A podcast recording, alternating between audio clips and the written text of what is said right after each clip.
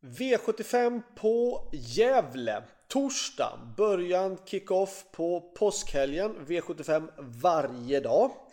Eh, kul. Riktigt kul. Eh, jag själv ger mig även iväg till Gävle och kör ikväll. Eh, en omgång som inte är helt lätt att tippa tycker jag. Men vi ska försöka bena ut det på något bra sätt. Vi börjar med V75 1. Jag gillar formen sen en bra stund tillbaka nu. Marcus Svedberg har haft jättebra form på sina hästar och jag tycker att ett Gloria Sisu ser intressant ut här i den första avdelningen. Skulle kanske kunna leda runt om. Jag själv körde med 4 and Stitch och eh, visat bra form och utmanare i spetsstriden hoppas jag. Eh, 1-4 måste vi ha med, men vi ska även ta med nummer 8 Figaro Vici. Eh, hade det här loppet varit 2-1 då hade jag sagt att Figarovici är eh, toppchans. Figarovici har jag vunnit med på Vincennes och varit tvåa med och han vann även sist på Angan. Han har visat kanonform. Och om jag nu ska ranka det här loppet så skulle jag säga 8, 1, 4 och sen även 13 tycker jag där bakom. Figarovici är för mig första hästen och jag tycker att han var eller han har varit kanonfin på, på Vincennes. Vi går till V75 2. Det här loppet tycker jag är svårt.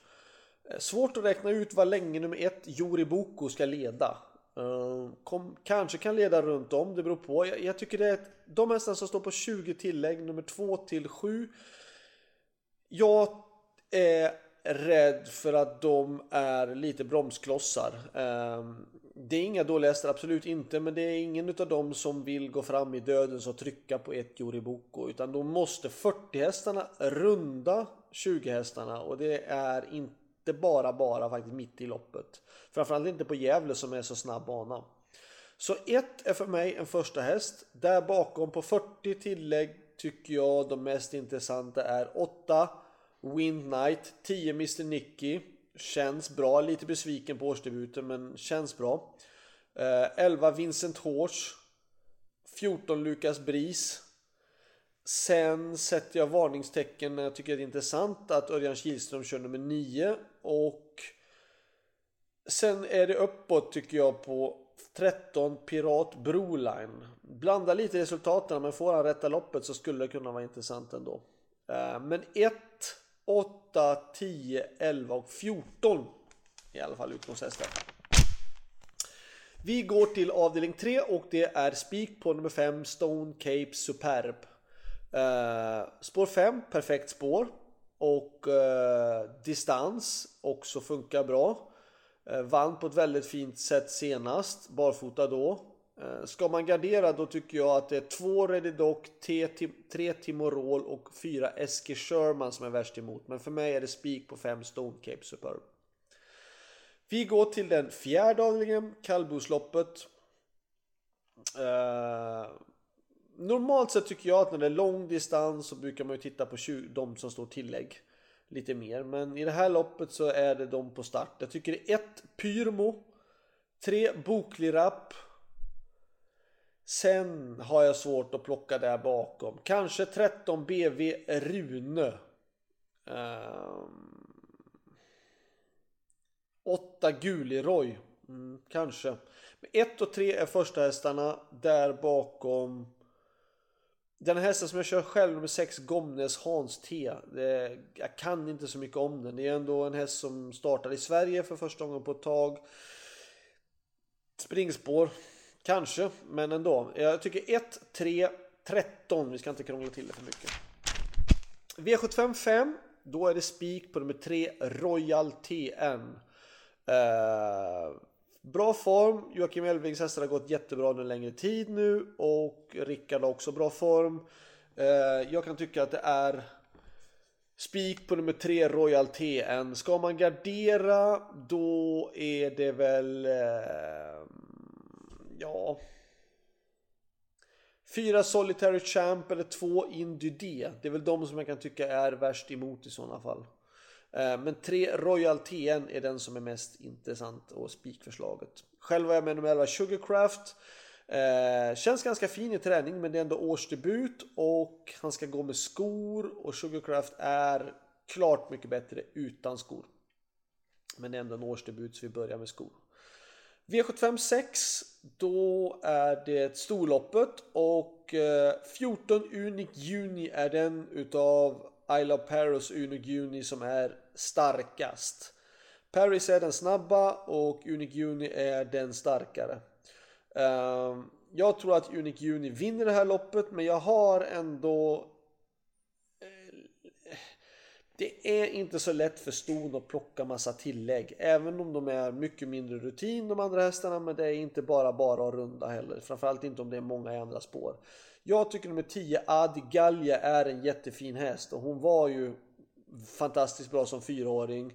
Nu går hon ut och möter äldre hästar. Men hon har springspår och hon är stark och hon tål distansen.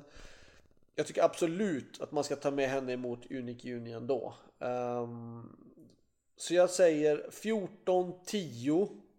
Därefter kanske då 13 och sen så kanske man ska ta någon typ för start. 1 Catwalk Ima.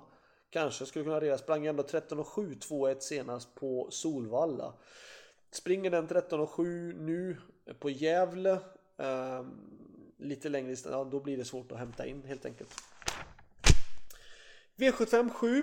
Då är det två Ministas El Paso som har första king tycker jag. Lite orolig dock för hur det blir från början här. Eh, jag tror att det blir rejäl körning. Eh, Cupido Sisu är snabb ut och MT Insider är jättesnabba ut. Ehm, allting som Minnestads El Paso offrar i krafter kommer gynna 9 Linus Boy och klarar Linus Boy att haka på Minnestads El Paso från start, ja då kommer han sitta väldigt bra till. Så att 2-9 skulle jag säga för att vara säker på det. Ska man gardera och jag nu ska ta varningstäkterna eh, eller varningshästarna då säger jag 5 Michelangelo Ås. Ehm, jag tycker han har ett bra utgångsläge, så bra ut sist. Eh, har mött tuffare hästar än vad han möter idag. Ehm, han är väl absolut en tredje häst tycker jag. Ska vi gå till alla varningarna då kan vi gå till den sjätte avdelningen. Varning, då säger jag nummer åtta Lady Zappa. Eh, hon är farlig om hon får spara speeden. V75 5.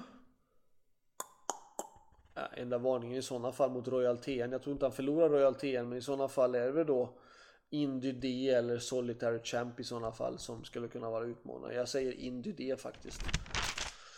V75 4, en varning, ja men... Eh, ja, den här då, 6 Gomnes Hans T som jag kör kanske. Eller... Eh, 13 BV Rune sa jag ju. Eh, men jag säger själv min egna i sådana fall. 6 Gomnes Hans T, men det är lite långsökt. V75 3, varning där. Ja, om tre Timorol skulle kunna rå åt sig ledningen så tror jag absolut att den kommer att, kommer att sträva emot fem Stainless Caps ända fram till mållinjen, det tror jag. Eh, V75 2, en varning. Då var det den här 13 Pirate Broline som jag tycker blandar och ger lite grann. Men får han rätta loppet så skulle han kunna absolut vara med där framme. Och i den första avdelningen ska man ha med någon varning mer. Då tycker jag att en, en häst som gör en riktigt lång resa, det är nummer 9 Hiero Boko. Eh, gått bra tider. Skulle den få rygg på Fikarovici eller något sånt där så skulle det kunna vara en, en, en outsider i sådana fall. Det är i alla fall varningen i sådana fall i V751. Annars är slutsummeringen bästa spiken tycker jag utan tvekan var i den eh, femte avdelningen nummer tre Royal TN. Eh, min bästa chans det tycker jag är den andra avdelningen nummer 10 Mr Nicky även om jag tycker att jag har kanske inte någon sån här riktigt topp topp chans. Så det var allt. Lycka till och så hörs vi imorgon för då är det den här omgången. Då är det V75 på Färjestad, långfredagstravet. Ha det bra, lycka till så hörs vi imorgon. Hej då!